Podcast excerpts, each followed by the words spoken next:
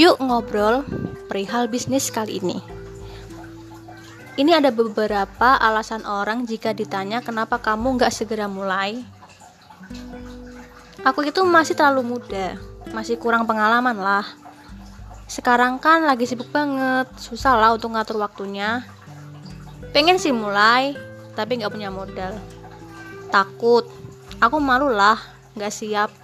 Apalagi kalau untuk jualan Aku ini kan gaptek, nggak tahu gimana cara buat yang mulai.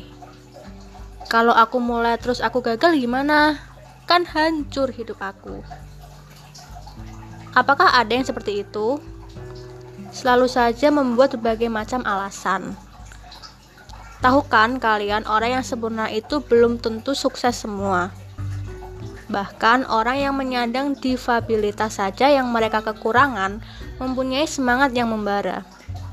Mereka membuktikan bahwa mereka memang berbeda, tapi perbedaan mereka lah yang membuat mereka spesial dan luar biasa.